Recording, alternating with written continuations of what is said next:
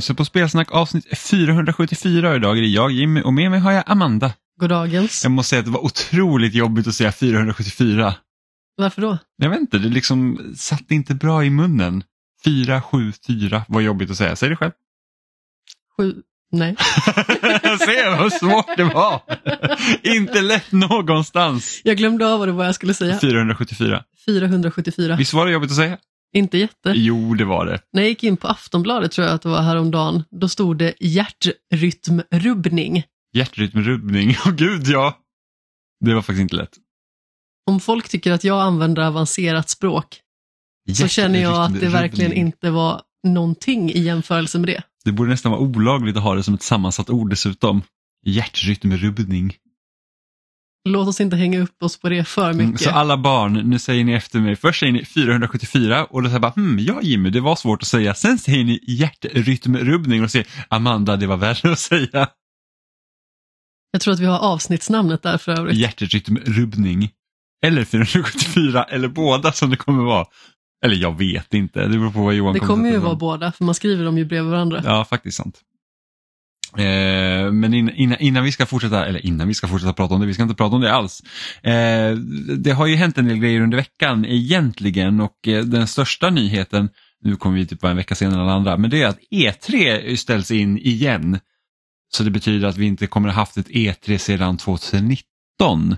Eh, och anledningen till att det, det Ställdes in. ställdes in den här gången, det var ju det för att först är det så att Microsoft sa att de inte skulle vara på E3, Sony är inte på E3 som de inte har varit på flera, flera år och sen har vi Nintendo sa att de inte kommer ha någonting på E3 och så var det Konami och Sega. Eller om det var Sega och någon annan som drog sig ur och då var det så Var här, det inte hmm, Ubisoft? Jo, kommer till det. Eh, så började det bli ganska tomt och skralt här på liksom, eh, utgivare som kommer med och till slut så sa Ubisoft, som tidigare sagt att de skulle vara på E3, drog sig ur också. Eh, men de sa att de skulle ha liksom sitt eget Ubisoft Forward runt den tidpunkten i alla fall, men de kommer liksom inte vara på mässan. Och då är det så att då finns det ju ingen kvar. Nej men precis, man öppnar E3 så kommer det ut en mal. ja, men precis. Eh, så de, IGN hade ett scoop om att de eh, hade hört att det skulle ställas in och sen så bekräftade ISA det själva. Vilket är så tråkigt. På ett sätt. På sätt och vis är det naturligtvis tråkigt, men det känns ju som att det liksom har varit på gång ganska så länge, för det är ju många av de här stora aktörerna som har dragit sig åt sina egna håll egentligen. Så under en ganska så lång tid så känns det väl som att det har sakteliga grävts en grop åt E E3. Ja, och det är ju, det är, alltså jag personligen tycker att det är jättetråkigt för att Alltså när man var liten och sådär Eh, så var ju liksom drömmen var ju så att åh, någon gång kanske man kan få åka på E3, liksom den stora spelmässan och så. Eh, men nu efter liksom med pandemin och allt började gå mer och mer digitalt så tror jag liksom att ett att företagen såklart så här att det kostar väldigt mycket pengar att vara med på E3 och varför ska vi inte kunna ha vårt eget event liksom, när ändå folk kollar digitalt? Ja, men precis, det reducerar ju kostnaderna oerhört mycket, plus att då blir det så himla specifikt deras event. Det är deras sak som de anordnar helt själva. De behöver liksom inte fokusera på några specifika riktlinjer som E3 kanske sätter upp till exempel. De kan kanske ha några andra tidsramar. Det kanske är lättare för dem att strukturera upp. De får helt enkelt möjligheten att göra någonting som de helhjärtat vill och sedan spara in pengar förmodligen på köpet. Och naturligtvis så är det ju tråkigt med tanke på att E3 liksom har varit en liksom så stor spelfest egentligen på många vis som liksom har samlat stora utgivare och utvecklare och eh, liksom lyft fram spel i allmänhet under en ganska så lång tidsperiod. Men samtidigt så känns det ju precis som du sa tidigare att med, dig- med digitaliseringen, oj nu nös katten här bakom. Han luktade på dina byxor, fullt förståeligt. Nej, men som sagt, med tanke på digitaliseringen så blir det liksom ett helt annat klimat och det gör ju liksom också att aktörer hanterar saker på ett annorlunda sätt. Och med tanke på att vi liksom har pandemin i ryggen också så blir det liksom ett helt annat klimat utifrån det. I synnerhet med tanke på att många företag kanske oavsett storlek har tagit en ganska så stor smäll på vissa plan ekonomiskt. Inte bara ekonomiskt, jag tror att det är också att eh, utvecklingstiden på spelen har tagit mycket längre tid. Så att det kan ju vara, den andra delen är ju det att de har inte tillräckligt mycket att visa upp eller kanske har demo på saker.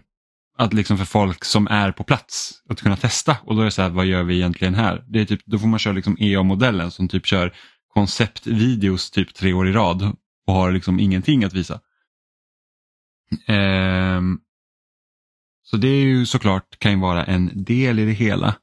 Eh, sen så tycker jag ju att de flesta, liksom, och det märktes också pandemin, när, när företagen sätter upp sina egna grejer, de gör det ganska dåligt. så jag tycker ärligt talat många gånger tycker att deras liksom, eh, konferenser och sånt är rätt så tråkiga. Eh, liksom att man vet inte riktigt vad man ska visa upp, man kanske har det lite mer för att ha det och det är, visst den risken finns ju också såklart om man vänder sig upp med E3 men sen har vi också Jeff Keelys event eh, Summer Games Fest som ska vara under då samma tidsperiod.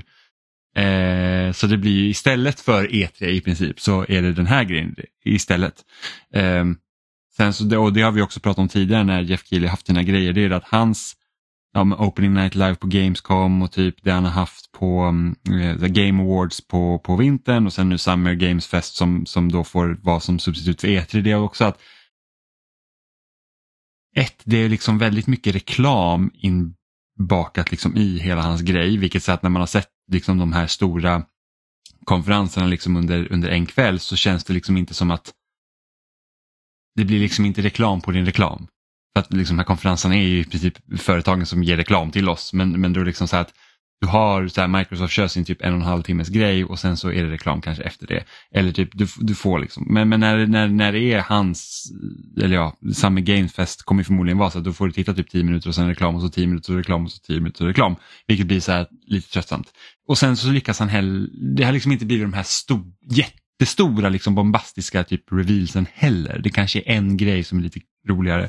Eh, så så att, ah, det blir lite annorlunda. Men jag, jag, tror liksom inte att det är inte riktigt där än utan det blir mer som ett substitut.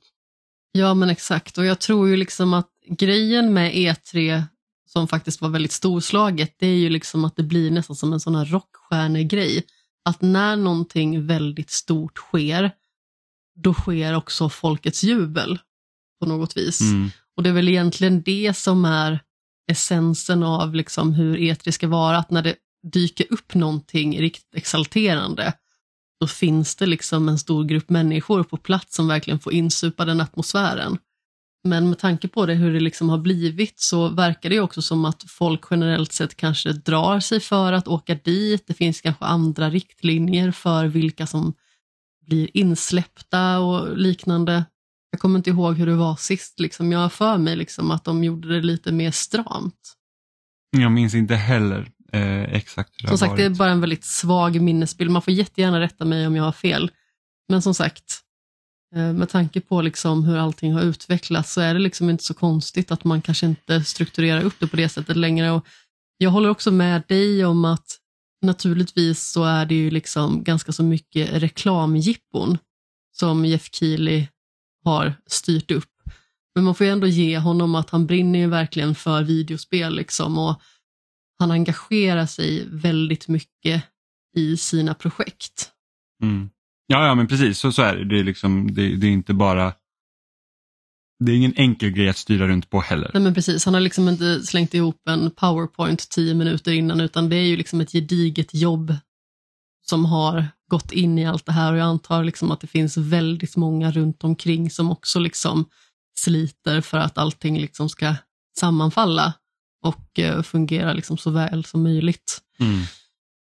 Sen så är det lite synd, alltså, när det är en stor grej liksom som E3 blir som en samlingsplats för många utvecklare, både stora som små, så är det att när, när, när de här träffpunkterna blir mindre, alltså att de liksom, det försvinner eller tas bort eller liksom ändras på det sättet, så är det vissa av de här dealsen som kanske har skett för att två personer typ att träffat varandra i hissen, är ju också en grej som bara försvinner.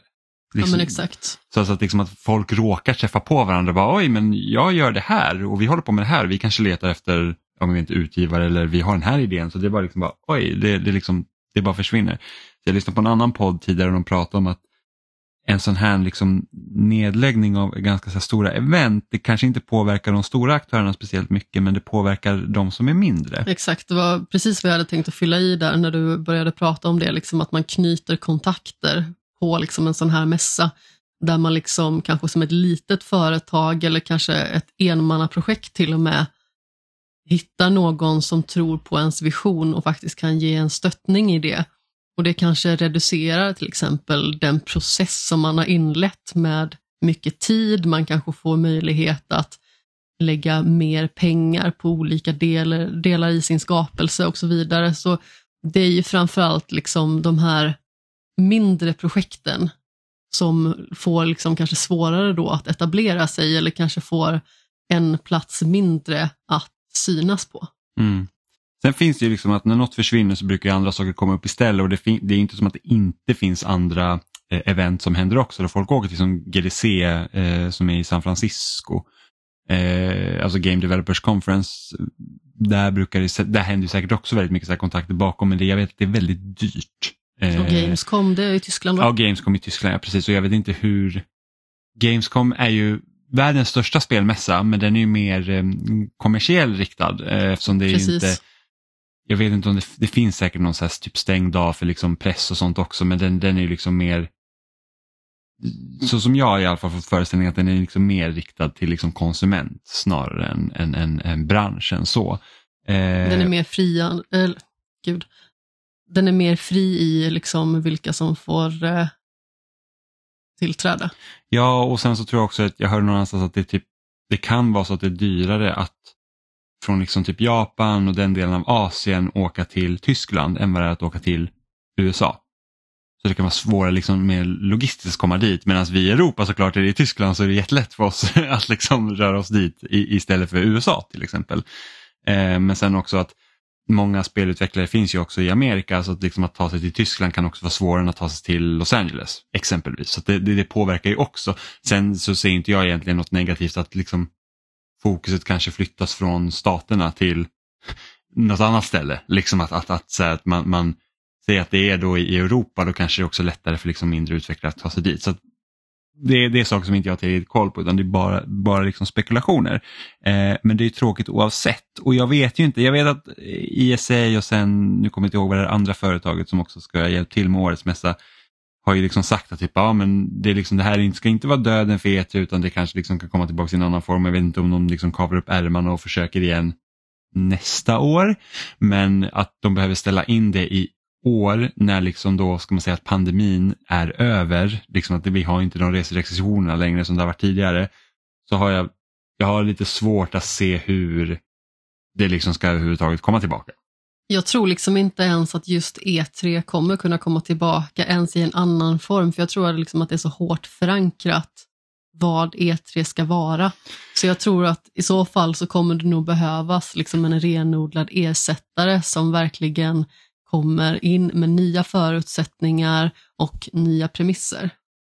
Kanske, alltså det har ju hänt förut. Eh, jag tror det var E3 har ju funnits i olika former tidigare så det började egentligen som en mässa i Las Vegas om jag inte har helt fel. Eh, och sen så var det här stort och bombastiskt och sen började det liksom säga okej okay, det blir för dyrt att åka på E3, det, liksom, det funkar inte riktigt och då skalade de ner det. Jag tror det här var runt typ 2006, 2007 någonstans där. Kanske 2007, 2008. Men då hade de olika då var det liksom uppdelat på olika ställen runt typ Santa Monica i Los Angeles också. Eh, som man fick åka runt och det, det funkar liksom inte riktigt heller utan folk var ganska missnöjda och sen kom det tillbaka i större form några år efter.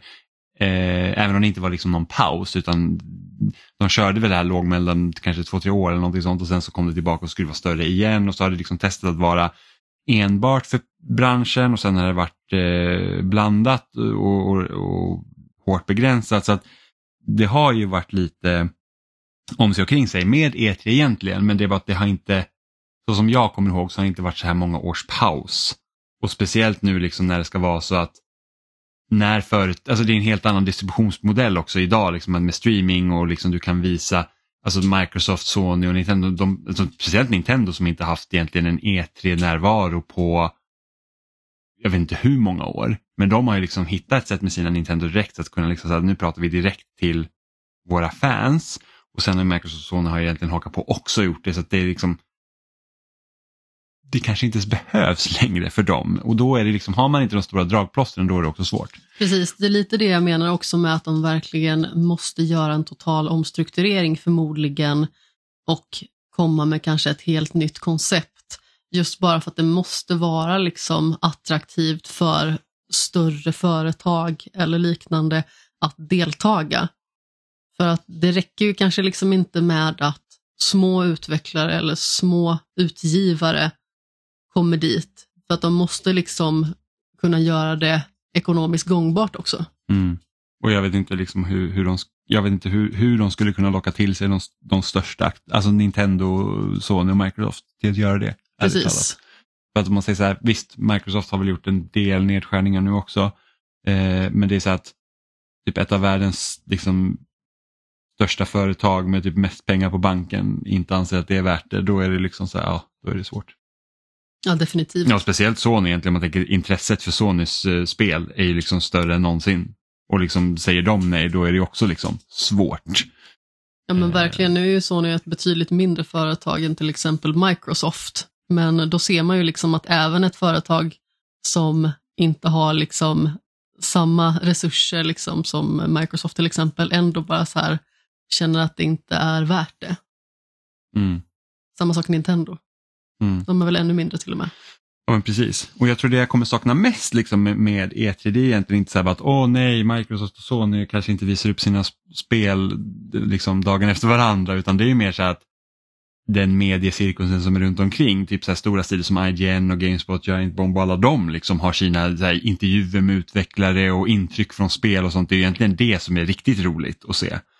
Eh, och det försvinner ju helt liksom under de här dagarna för att man har liksom den här veckan där allt samlas och det, och det märkte vi liksom under så här 2020 och 2021. Det var liksom så här typ att ja, men du har kanske ett event den här veckan och sen kommer något nästa vecka och det är inte roligt. Jag tror till och med så här Ubisoft något år hade väl typ tre olika konferenser. Det var bara så här, vilka av de här ens ska jag se om ens något? För att det är liksom det känns jobbigare att försöka passa in liksom konferenserna någon, någon gång per vecka än att liksom här har vi de här typ fyra dagar där jag vet att de två första dagarna då är det liksom back-to-back konferenser. Det är liksom så här, Microsoft inleder och, och sen så kommer, eh, brukar vara typ Ubisoft efter det och sen kommer Sony sent på kvällen, natten och sen ja, nästa dag så kanske har Nintendo och lite sånt. Eh, nu vet jag ju att de, Microsoft ska väl fortfarande ha liksom sin typ media briefing ungefär samtidigt eh, igen och så Ubisoft gör så de, de grejerna egentligen finns ju kvar men det är så att hela så här, de mediala grejerna liksom när de sitter liksom och pratar med utvecklarna på plats, den försvinner.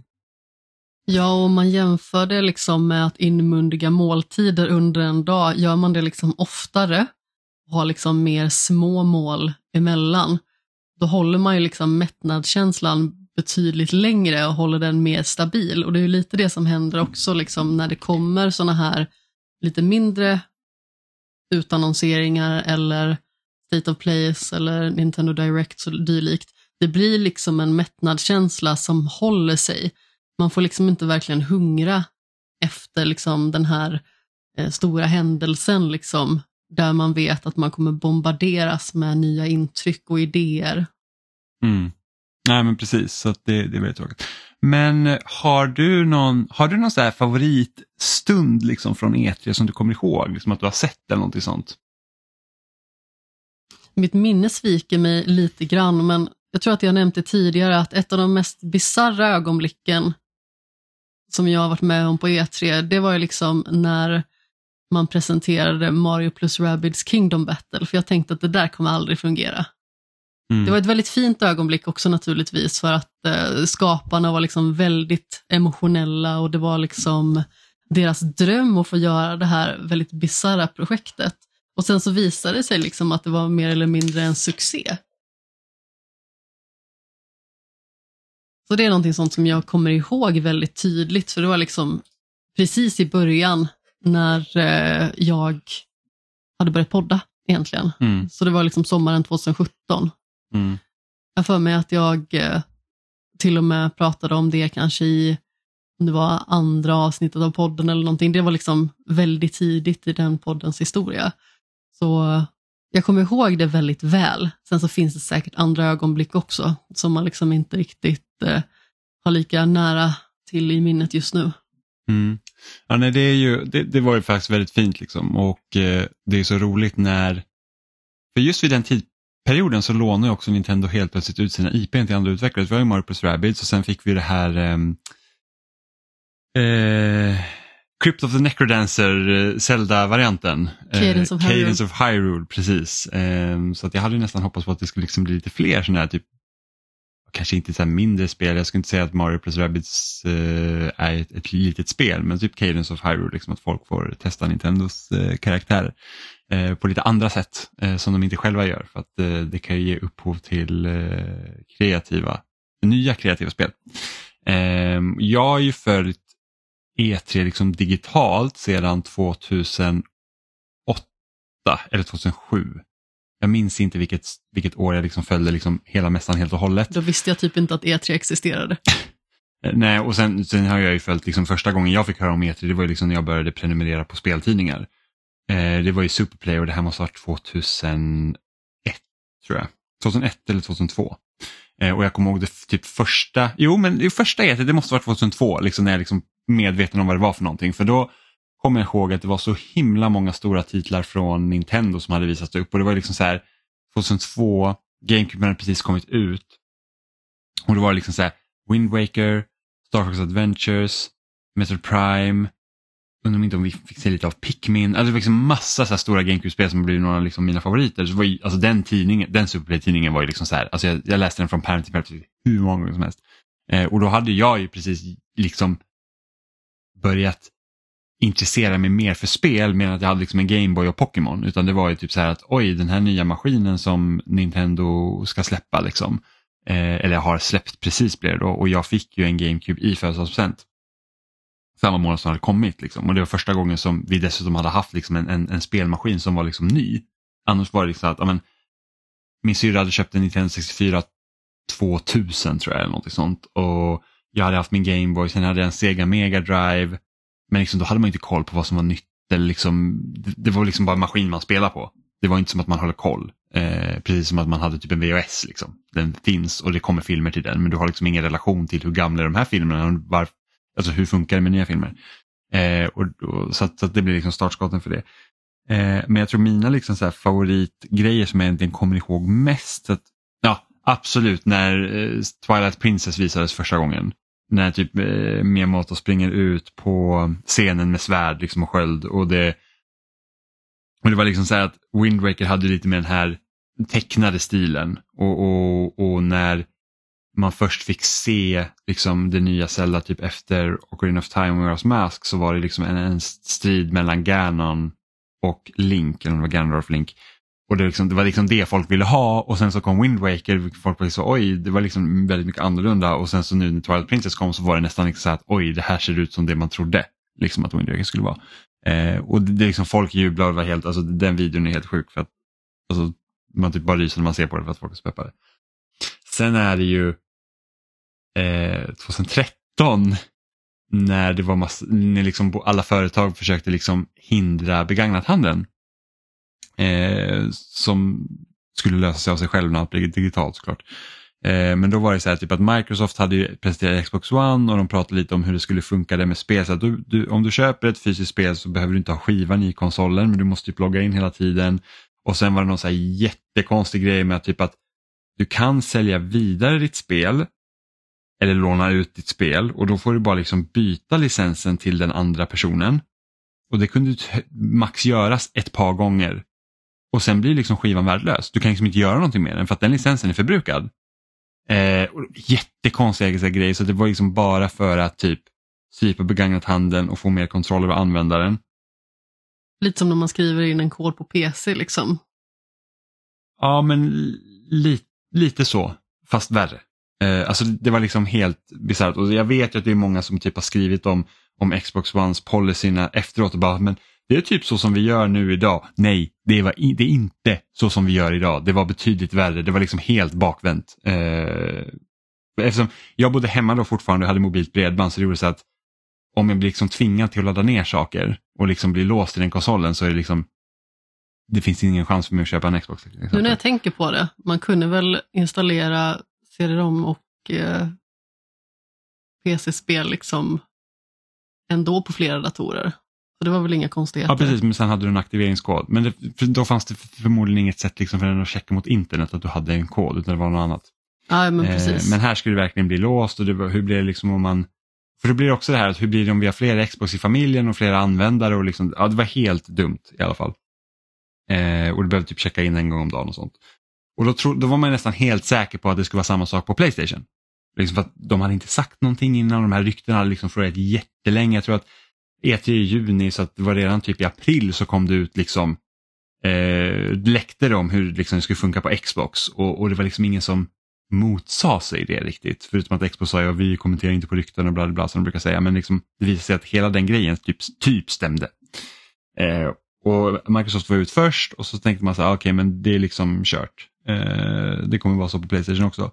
Och så gick det ju liksom hela den här Playstation-konferensen och ingen har liksom nämnt det. Det var liksom den här stora elefanten i rummet, liksom att okej men de har inte sagt någonting. Så det kommer förmodligen vara så.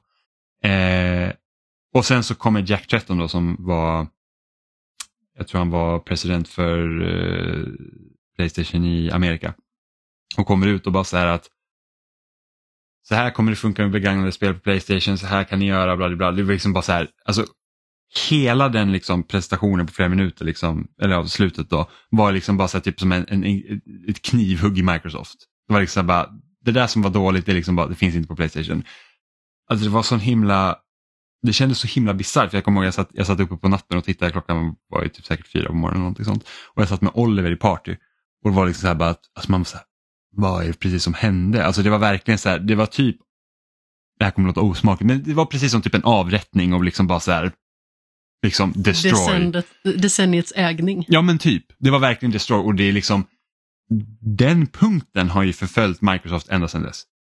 Eh, sen visst, hade de haft större liksom output av spel som folk faktiskt tycker är jätte, jättebra under den här, de här åren som har gått sedan 2013 så tror jag läget hade sett annorlunda ut. Men liksom det beslutet som de gjorde med Xbox One gjorde att Xbox One sålde betydligt, betydligt sämre än vad 360 gjorde. Och de har liksom inte lyckats repa sig riktigt för det, för det liksom bäddar egentligen uh, mattan för, uh, för Sony, liksom att ta upp liksom tronen igen och bli liksom marknadsledande. Även om jag, jag tror man skulle kunna säga att Nintendo är det just nu för att Switch säljer så bra, men, men, men i alla fall. Så det var sjukt. Eh, och sen tredje grejen som jag kommer ihåg väldigt bra, det var Konamis presskonferens från 2010, för den är så jäkla konstig. Alltså den är, den är helt bisarr. Så om man inte har sett Konamis eh, E3-presskonferens 2010 så, så youtuba den och titta på den för att den är, liksom, den är så pass underhållande. Det är liksom, så det fanns ett actionspel som hette 99 Nights 2, tror jag det heter. Och, och då fick han typ creator director eller om han var producent för spelet eller något sånt gå, komma upp och prata om det och liksom det, det är som han har rökt på och så liksom bara pratar han. Och sen var det typ så här Lucha Libre wrestlare uppe på, på, på scenen som typ började slåss med varandra. Och sen hade du något annan visning på ett spel som heter Dance Master som kom, skulle komma till Connect där man kunde liksom dansa. Och han som presenterade där han liksom pratar på lite knackig engelska och säger bara ja ah, men vi dansar liksom in real time. Och man ser liksom att de är ur synk med tvn så de dansar inte alls i real time. Och efter att han har sagt då att de liksom dansar på riktigt så reser han sig upp från scenen där de liksom har visat då hur man dansar till det här och börjar prata om något annat. Medan liksom de dansar ju fortfarande i bakgrunden på skärmen så att de spelar inte live, vilket såklart de inte gjorde. Men liksom det, var så, det var så sjuka grejer på den på konferensen och sen var det så tråkigt att de aldrig följde upp det liksom på, på ett roligt sätt. För att det var liksom, sen blev det typ som jag och Gustav då, vi brukar säga att vi, bara, vi hoppas på Konamis presskonferens, det kommer vara lika konstig. Men det, det liksom hände aldrig, men den, den presskonferensen är liksom helt fantastisk. Det liksom går att se på den från början till slut och bara fortfarande jätteunderhållande och folk börjar typ bråka och det är någon, det är någon jätteläskig gubbe som står i bakgrunden och bara typ stirrar jätteargt på den som står och pratar och det, det är liksom, det är helt bisarrt. Så den måste man se. Eh, så kolla på den. Men det är väl typ de grejerna. Så det, det, det, är också sådana grejer som kanske kommer liksom, nu när allt är mycket mer kontrollerat och typ förinspelat och inte live så förlorar man lite de här konstiga grejerna. Eh, som kunde hända. Hade, Förutom den här märkliga snubben som kom upp på Game Awards när man var uppe och tog emot eh, priset för bästa spel. ja, men det, ja, det, var ju, det var ju helt sjukt också. Men det, det var liksom ingenting som var orkestrerat av, av de som faktiskt håller presentationen. Eh, som typ Ubisoft något år hade en komiker som kallade sig Mr. Caffeine som var så otroligt irriterande. Som man så här, man bara, "Alltså, Gud, jag kan inte titta på det här. Eh, eller inte att förglömma, det var inte ga- The Game Awards som det är idag, men det var liksom förlagan till det. Och då var det tror jag Zachary Levi var konferenser och han blir teabagad på scen av en som är utklädd av en soldat. Och man var så här, och det här är liksom spel. det är typ som man känner, man bara, åh, vad har jag för hobby? Eh, men ja, det är väl lite sådana grejer som, som, som man kanske missar. Men, Säljer in mediet på absolut bästa sätt. Ja men verkligen, verkligen. Eh, men det är, ja, så det är väl lite sådana grejer som man, man kommer sakna när det liksom inte, när man inte har en hel vecka man ska pressa in hur mycket som helst. Faktiskt. Men eh, nog om E3. Det kommer ju bli, eh, vi kommer ju ändå att ha typ ett E3-avsnitt eftersom det kommer ske en massa olika digitala konferenser ungefär vid det datumet. I alla fall typ Ubisoft, eh, Microsoft, och det är det jag kommer ihåg. Eh, Sony tror jag inte kommer ha någonting. Det ryktas dock att Sony ska ha någonting i maj. Så att vi får se om det händer någonting där. Eh, Kommer säkert bli den trettonde. ja, ja det, då ska allt hända till 13. Zelda kommer den 12 så det blir, ja. Det är så kul. Efter- För de som inte vet, vi ska gifta oss den 13. Och Zelda släpps den 12 och vi har massa spelvänner som kommer på bröllopet. Så det kommer få, man får sätta upp ett typ skylt där vi ber om ursäkt för att vi gifter oss på Zelda-helgen. Det är ju typ hälften av alla gäster som är liksom inne i spelsvängen på ett eller annat vis. Precis, jag undrar om vi faktiskt ska ha en så här switch-laddstation på skoj. Man blir ju lite sugen. Ladda din switch här och sen typ eh, klippa ut någon så här Triforce-grej och så här typ det här Zelda-maskin. Ja, jag vet inte. Jag vet inte faktiskt. Eh, men eh, vi har ju spelat lite i veckan, inte kanske så här oändliga mängder av spel eftersom, jag vet inte, jag, jag säger att jag saknar Diablo lite. Jag vet inte om du känner samma. Men lite grann naturligtvis. Det som jag tycker är väldigt synd när man spelar en beta på det viset och kan spela så pass länge som vi kunde, det är ju liksom att man vet att all progression går förlorad och man vet liksom att hur mycket man än investerar i tid och engagemang i den karaktär som man har valt så kommer man liksom inte få fortsätta med det sedan. Och visst, vi hade ju ett mål att få liksom den här vargvalpen då som kan bli våran kompanjon i spelet, så som jag har förstått det.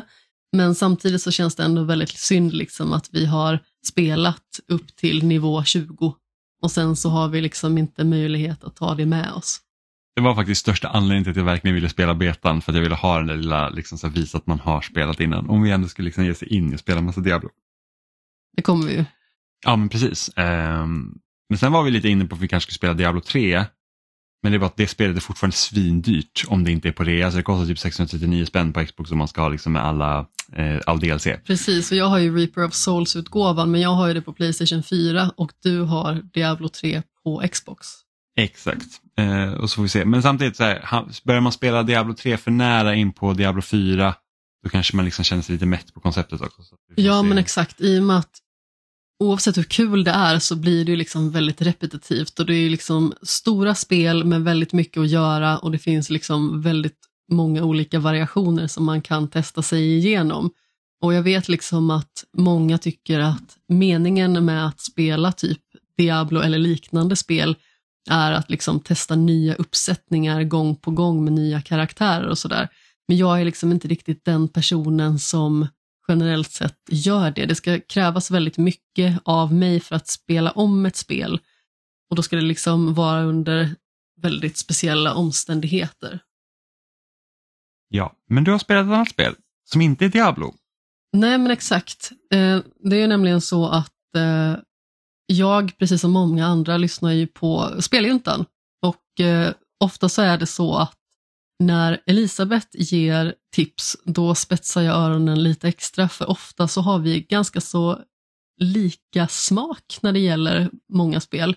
Vi hade liksom flera spel från fjolåret uppe på vår liksom personliga topp som eh, var samma. Så när hon nämnde The Last Spell för förra veckan och sa att hon skulle prata om den till den här veckan som var. Då la jag det spelet i min kundkorg på Playstation och tänkte att så fort jag har hört om det här så vet jag liksom om det här kommer vara någonting för mig och så fort hon öppnade munnen i stort sett så köpte jag det och laddade ner det. För att det lät verkligen som att det var min grej och eh, det var det. Och eh, i förhoppningen om att slutligen sätta stopp för ett flera decennier långt världsomspännande krigsscenario så höll magiker istället på att tillintetgöra allt och allas existens. Skapad av den här magin då så uppstod istället en purpurfärgad smog ur vilken det om nätterna strömmar blodtörstiga mutanter. Och eh, hoppet är dock inte helt förlorat för om magikerna lyckas utföra en sista besvärjelse, därav namnet The Last Spell, så kan världen räddas. Men det kräver att den här trollformelkastningen får gå ostört i flera dagars tid. Och när natten lagt sig så är det alltså upp till mig som spelare att beskydda de få städer som återstår. Och när man liksom sätter sig in i det här spelet så finns det väldigt många parametrar att liksom ta i beaktning, men man får det liksom bit för bit. Det märks ganska så tydligt att det främst är så optimerat för PC. För att när man liksom kollar på uppbyggnaden så ser man liksom att det är ett eh, väldigt litet eh, textformat till exempel. Man märker väldigt tydligt att här ska man sitta och pilla med mus egentligen. Genom det här eh, resurshanterande till exempel som liksom blir en väldigt stor del av vad man pysslar med. Eh, jag som många vet älskar ju de mer strategiska elementen och de har ju naturligtvis en väldigt betydande plats också. Men just på dagarna när man liksom då har gått segrande ur en strid då handlar det ju liksom om att bygga upp sitt säte igen. Man har flera olika städer som man liksom tar sig igenom och i en stad så har man liksom då flera nätter på sig att skydda magiker för att de ska kunna kasta den här besvärjelsen. Så när monstren kommer, eller mutanterna om man så vill, då måste man liksom vara så väl förberedd som möjligt. Och det gör ju att man till exempel måste se till att ens karaktärer är så uppgraderade som möjligt. Det finns naturligtvis möjlighet att köpa till olika saker. Man kan bygga upp sin stad till exempel, barrikadera, eh, för att se till liksom att det ska bli så svåråtkomligt som möjligt när man liksom blir invaderad. Och det som liksom är så fascinerande här, om man har spelat liksom vanliga, inom citationstecken, strategiska rollspel, det är ju att man oftast möts av kanske en handfull karaktärer eller på sin höjd tio stycken som liksom är då utplacerade på olika ställen på en karta. Här så kommer det liksom en våg av fiender när natten har lagt sig och då kommer de från en specifik riktning. Och det är verkligen en våg av fiender. Först så börjar man liksom se några komma smygande utkanten när man liksom står där och eh, förbereder sig, och, eller när man står där och förbereder sig och har gjort sig redo för att försvara. Men sen liksom så bara strömmar det på. Så helt plötsligt så står man där med sina tre karaktärer och möts liksom av kanske 20 fiender samtidigt, om inte fler. Så det gäller liksom att väga sina val med väldigt stor precision. Man har olika typer av karaktärer naturligtvis, vissa fokuserar liksom mer på långdistans, det finns kanske någon karaktär som jobbar mer i form av närstrid. Jag föredrar ju långdistans även i andra strategiska rollspel. Jag tycker väldigt mycket om bågskyttar till exempel. Men eh, här så behöver man liksom se till då att man kanske är väldigt eh, fokuserad på att ta ut de här olika skurkarna i en viss följd. bara för att dels se till kanske att man inte själv blir attackerad, för det finns ju liksom ingen möjlighet att i striden liksom eh, återkalla sina attacker, vad jag förstår i alla fall. Eh, som till exempel i Fire Emblem så har det ju funnits olika varianter där man liksom kan backa tillbaka några steg. Såvida inte jag liksom är helt blind så har inte jag märkt att det finns liksom någon sån funktion. Vilket också gör att det blir väldigt komplicerat om man liksom tänker helt fel. Det låter lite som att det är typ en blandning mellan Tower Defense och typ Fire Emblem. Ja, men precis. Man har ju sina karaktärer, väldigt få sådana, precis som jag nämnde tidigare. Och de får man liksom börja med att placera ut var man vill inför striden. Mm. Så man kan ju liksom i stort sett placera dem vid frontlinjen, men man kan också liksom ta en mer defensiv inriktning på det hela. Så här är kanonmaten.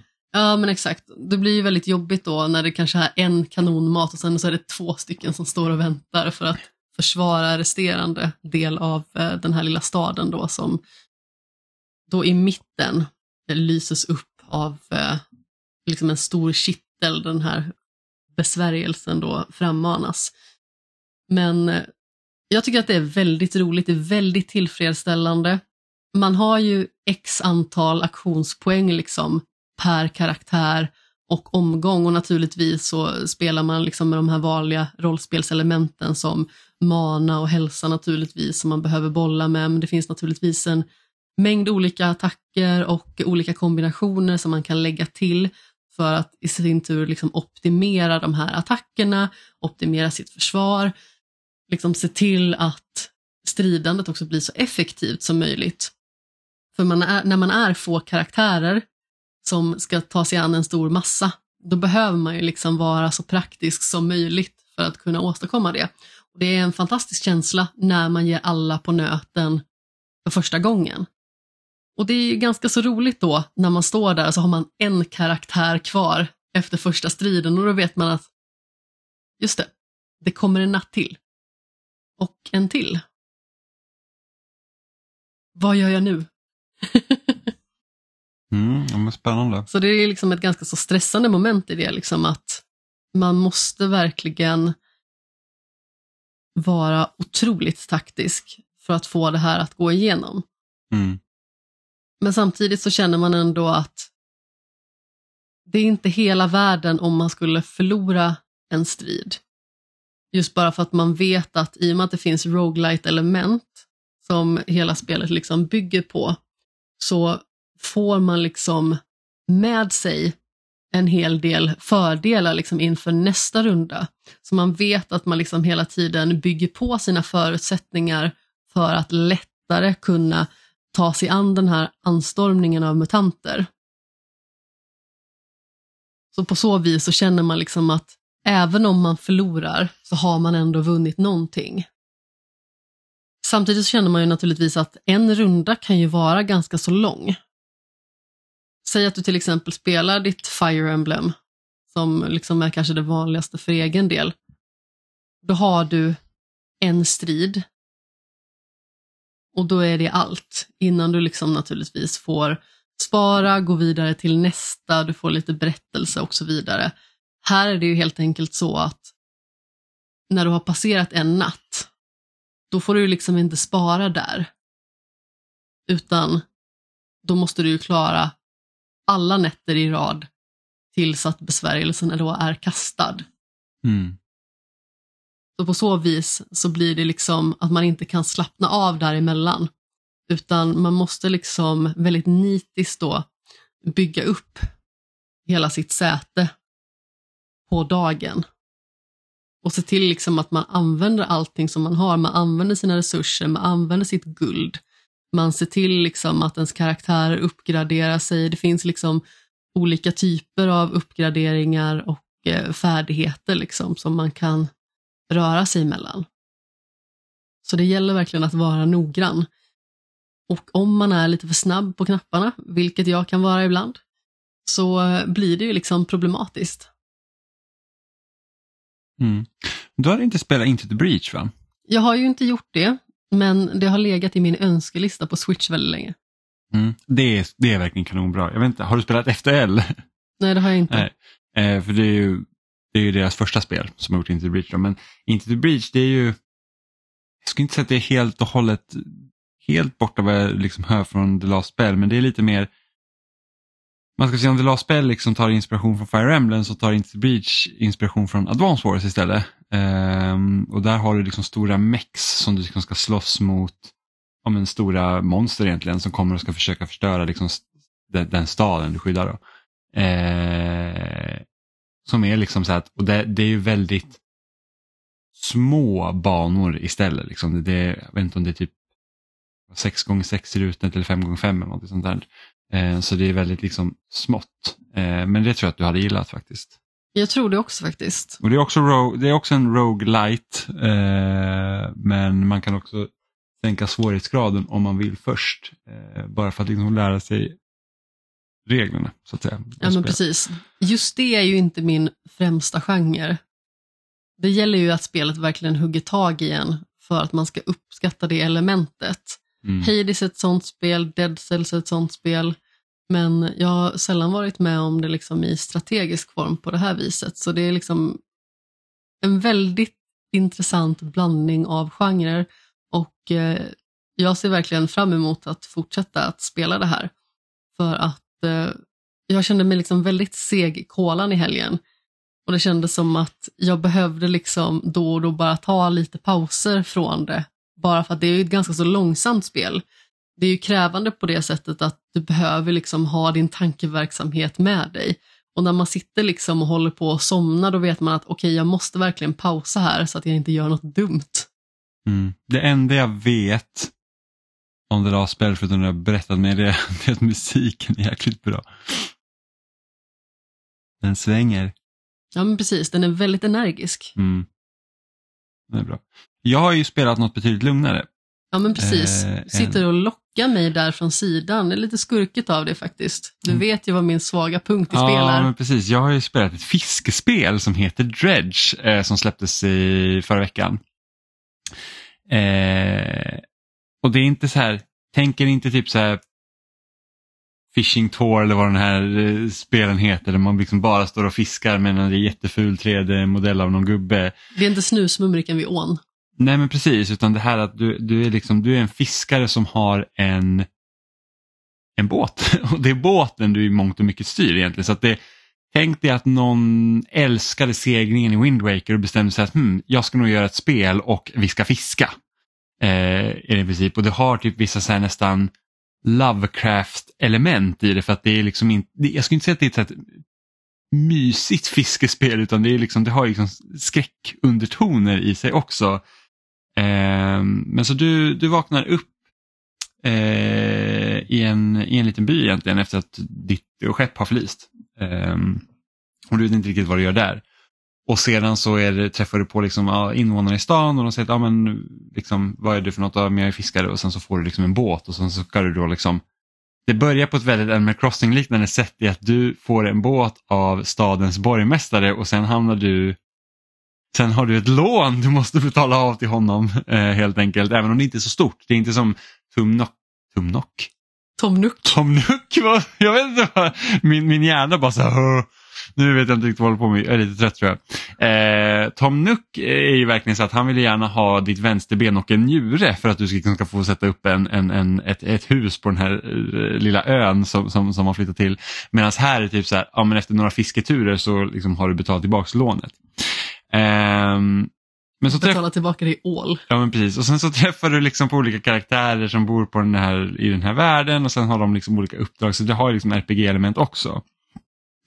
Eh, och sen så träffar du på, jag tror huvuduppdraget i spelet här, gör du åt The Collector. Det finns vissa förlista skepp eh, i den här världen som har magiska eh, saker som du ger till honom. Och genom att ge dem till honom så får du nya förmågor också till din båt eh, och kan använda dig av. Och sen så finns det säkert ett mysterium bakom det du ska förstå liksom varför.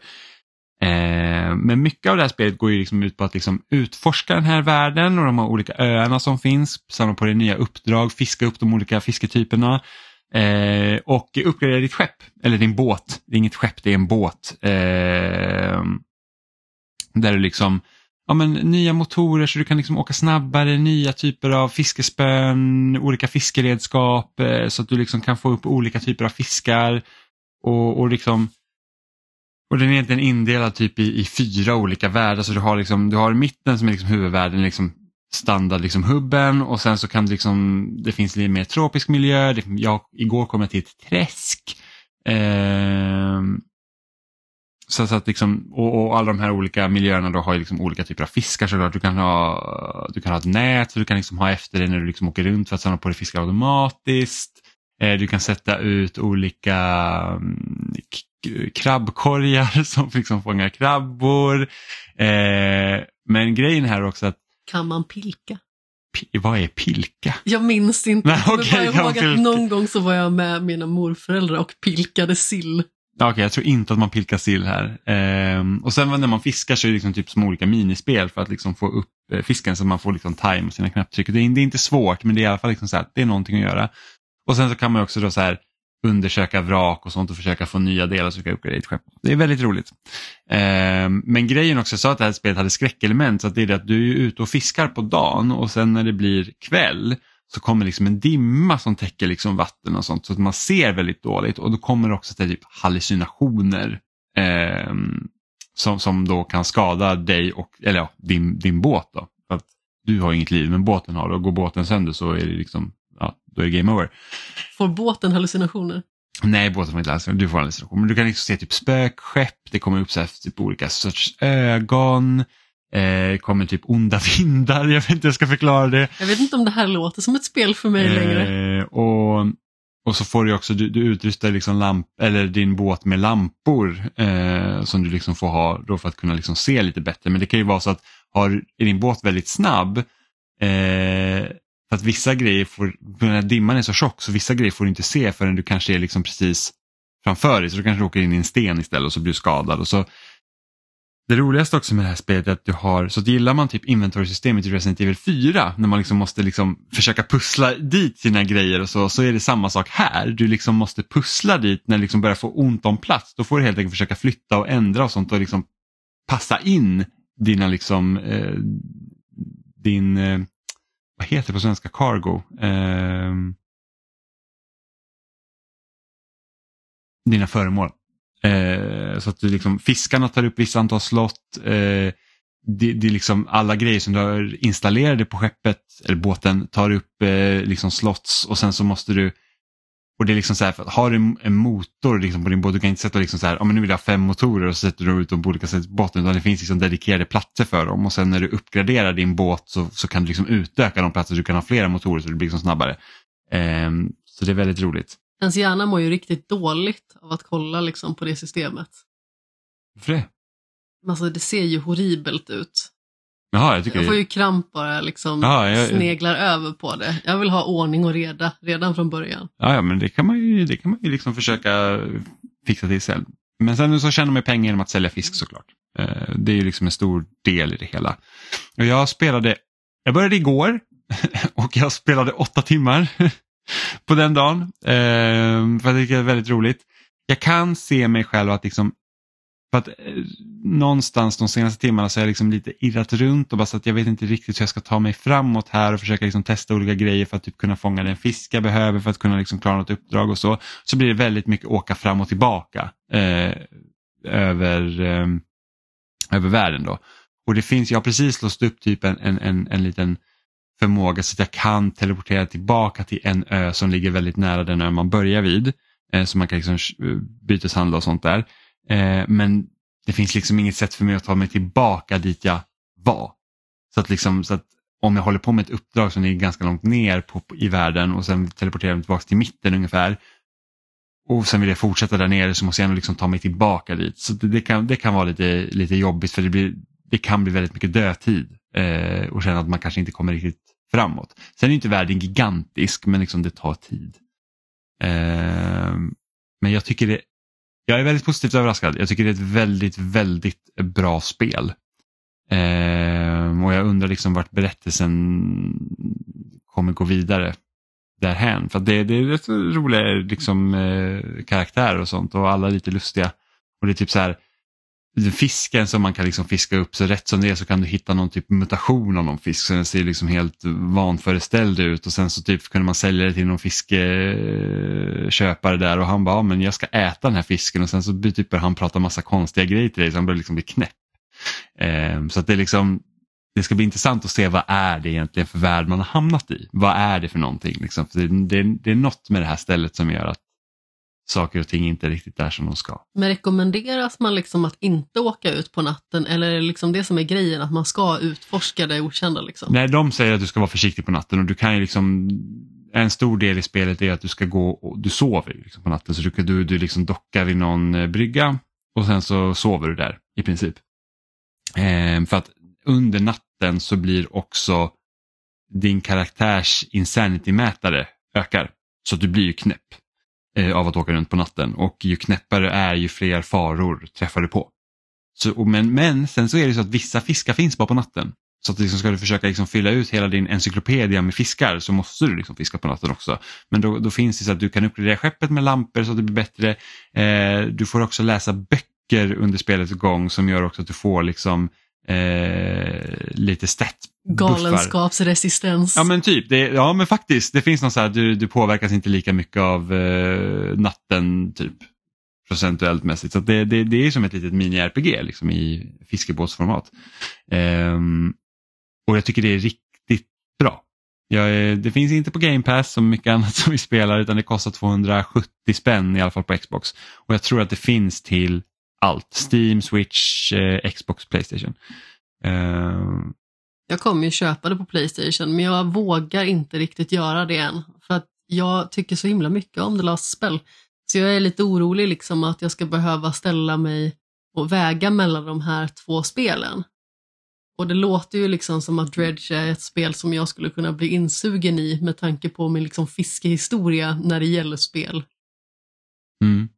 Ja, men det är mycket möjligt. Alltså, du kan ju fiska man fiskar väldigt, väldigt mycket eh, och så. Men det är just det kul att det är att man liksom, det känns inte onödigt att fiska eftersom det är så man tjänar pengar och sen så, ja, så hittar man liksom grejer. Eh, men sen är det också att du får ju, du kommer inte kunna ha tillräckligt mycket liksom installationsslots för att kunna, ha, kunna fiska alla typer av fiskar hela tiden. Så då får man liksom avinstallera dem och installera en ny grej så att du kan fånga, äh, fånga en viss typ av fisk. Då. Eh, och sen så får man liksom uppgradera och researcha nya typer av fiskespön så att man liksom kan göra mer med den, eh, med den utrustning man har installerad. Ja men precis, så det blir typ liksom så här att okej okay, nu kan jag inte fånga en abborre längre men jag kan fånga en svärdsfisk. Ja men typ, det, det är liksom fisketyperna fisketypen är liksom indelade liksom i så här, ja men du har eh, grunt vatten, eh, ha, ha, liksom mitt ute i havet är det djupt, eh, träsk, eh, lite liksom, ännu djupare vatten och lite sånt. Så det, det, det, är lite olika. Men sen så har du också när du liksom kollar på vad som är installerat på din båt så står det också att typ den här typen av fiskar kan du, kan du fiska. Då. Eh, och sen kan du uppgradera allt, du kan liksom hitta större större korgar för att fånga fisk. Du kan hitta andra typer av nät som du drar efter dig eh, så att du kan fånga andra typer av fiskar. Och sen, det gäller egentligen här, har lite den här Minecraft-grejen av upptäckande att du måste liksom, du får själv experimentera med vilken typ av utrustning du har på din båt för att kunna fånga olika typer av fiskar. Så Det kan vara så att oj, men nu, nu hittar jag liksom ingen ny sorts fisk längre men jag kanske inte har provat de här och de här grejerna än. Så då får man prova det och ha efter båten och se om man kan fånga någon ny fisk. Eller typ eh, oj, här är den här krabbkorgen, jag kanske sätter den någon annanstans i vattnet istället och ser om jag kan liksom fånga en, en ny fisk på det sättet. Men samlas den informationen någonstans då eller behöver man liksom hålla det i huvudet eller med papper och penna? När du har en stor encyklopediabok där liksom så att alla fiskar du har Så när man liksom har fått när du erfarenhet av någonting, då förstår man liksom hur man ska gå tillväga. ja, precis. Saker. När du har fångat en fisk så, så får du liksom så men det här heter fisken, i det här området finns den, finns den på dag eller natt? Eh, vilken typ av eh, vilken typ av fiskespö behöver du ha? Typ. Men det gäller ju också att du, du har fångat den fisken en gång. Finns det någon motsvarighet till seabassen? Jag fångade en black bass igår. Jag tänker ju Animal Crossing så är ju det typ den mest hatade fisken. Ja men precis, men här är det inte, det är inte riktigt slumpmässigt över vilken fisk du hittar där utan du, när du, när du seglar ute med din båt, seglar, det är ingen segelbåt, när, när du kör din båt eh, ute på vattnet så, så finns det liksom olika så här, fiskstim eh, som man kan åka till. Och för att fiska så slänger du inte bara ut ditt fiskespö liksom på måfå utan du åker till det här fiskstimmet, trycker på X eller A och då, får du liksom, då ser du en siluett av den fisken som går att fånga på det stället. Eh, och man börjar lära sig dem, man känner liksom igen, okej okay, det där är en fisk jag vet jag har.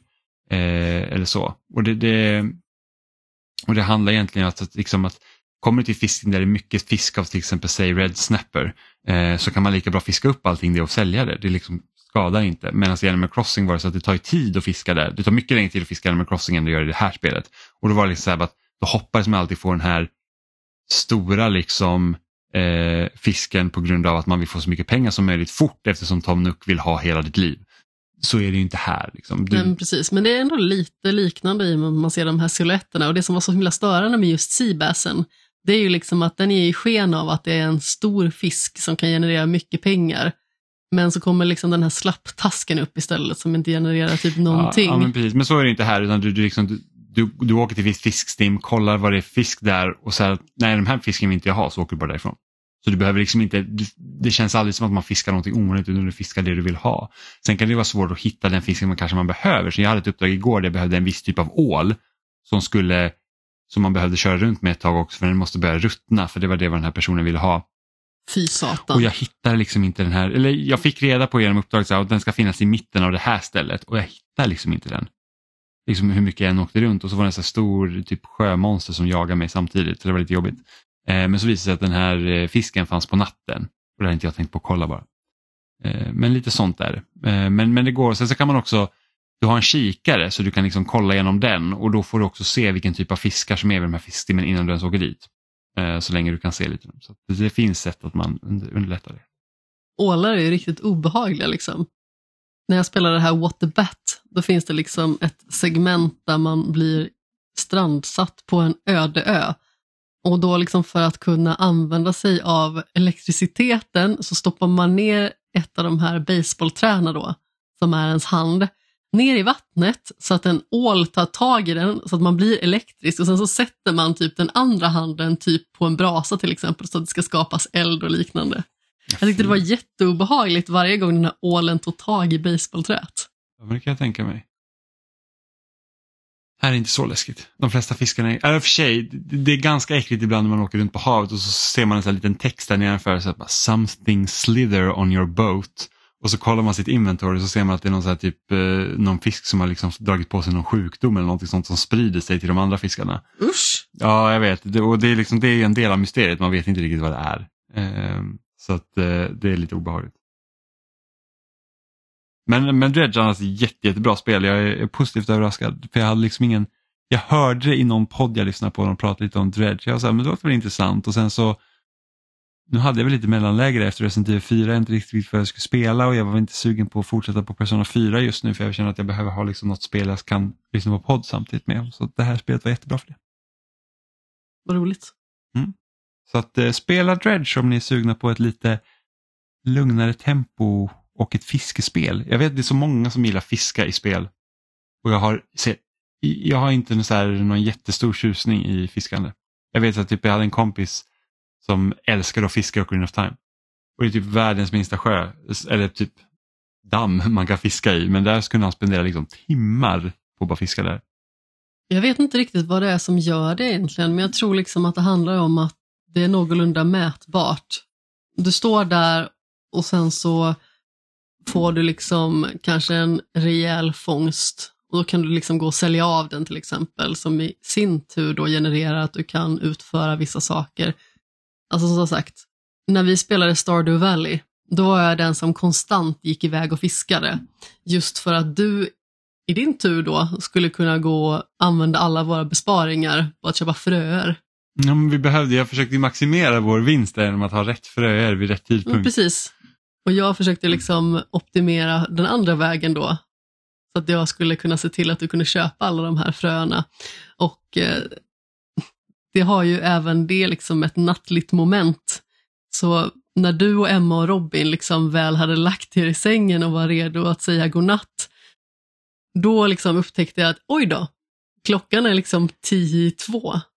Jag kommer inte hinna hem och så svimmar jag någonstans på marken. Man tappar väl en del grejer också när man svimmar? Man blir rånad. Ja, precis. Det är rätt så kul för Stardew Valley, det är ingen storstad. Så att man vet ju att den jäkeln som typ ser någon avsvimmad på, på, på marken och liksom länsar ens fickor, det är liksom så här, det är typ tio personer som bor i den stad. Så man vet ju, alltså tjuven är mitt ibland oss. Ja, men exakt. Och framförallt känner man liksom att ja, men det är inte så stort spel. Man kan ta sig igenom det här ganska så fort. Men de där liksom minuterna till att man liksom kommer däcka på marken för att klockan liksom slår två. Alltså, det bara ilar iväg. Ja. Och så sitter ni där på andra sidan och svettas. Mm. Ja, det är samma sak i Dredge. Där går också, det är också så här 24 timmars klocka där, så det, där går tiden också jättefort. Så det, det är någonting också att hålla koll på. Att man inte är ute när det är livsfarligt. Men jag tror det var allt vi hade för idag va? Jag tror det. Mm, lite... Vi har två väldigt bra speltips i alla fall att komma med. Så om man vill fokusera mer på att eh, fiska, då är det ju dredge som gäller. Vill man fokusera på att eh, strategiskt ta ut mutanter så är det The Last Spell som gäller. Mm. Och nu när det är april så är det här månaden när Advance Wars äntligen släpps. Som jag har väntat, det är nästan ett och ett halvt år sedan det skulle släppas på riktigt. Så att jag är, jag är otroligt pepp på det. Vilket datum var det nu? igen? 21 april. Och jag har för mig att det är typ samma datum som Burning Shore släpps. Ja, jag undrar vad jag ska spela. Ja, Jag vet vad jag kommer spela. Ohoho. Jag ska recensera det. Ja, kul. Och sen så kommer Star Wars veckan efter. Och två veckor efter det så är det Zelda. Ja, det är stressigt nu. Ja, det är, det är mycket. Man får försöka hinna med, hinna med de här mellanspelen eh, under tiden. Jag spelar ju också ut Spyro 2 i veckan. Eh, som jag, Ja, jag har spelat en hel del Tetris Effect. mm, jag började ju med Spyro för typ ett år sedan, lite drygt. Och då spelade jag igenom första spelet och sen började jag nästan direkt på andra spelet och typ körde en bana eller någonting sånt. Och så slutade jag. Och så tänkte jag, men nu är jag liksom sugen på att spela något liksom lite lugnare. Och så tog jag upp Spyro 2 och det körde ut det också, tog varenda achievement. Så nu har jag bara Spyro 3 kvar i Reignited Trilogy här. Sen så är jag klar med Spyro. Men det tror jag väntar lite med att spela. Men med det sagt så hittar ni oss som vanligt på spelsnack.com. Där finns också länkar till alla ställen där vi finns som Facebook, YouTube, Instagram, Apple Podcast, Spotify. Vi finns i din favoritpodcast-app helt enkelt. Eh, ni kan också mejla till oss på kontaktetspelsnack.com eller skriva några kommentarer på Twitter eller Instagram som jag precis nämnde eller på loading.se där vi också läggs upp varje vecka. Så hörs vi igen nästa onsdag. Hej då! Puss i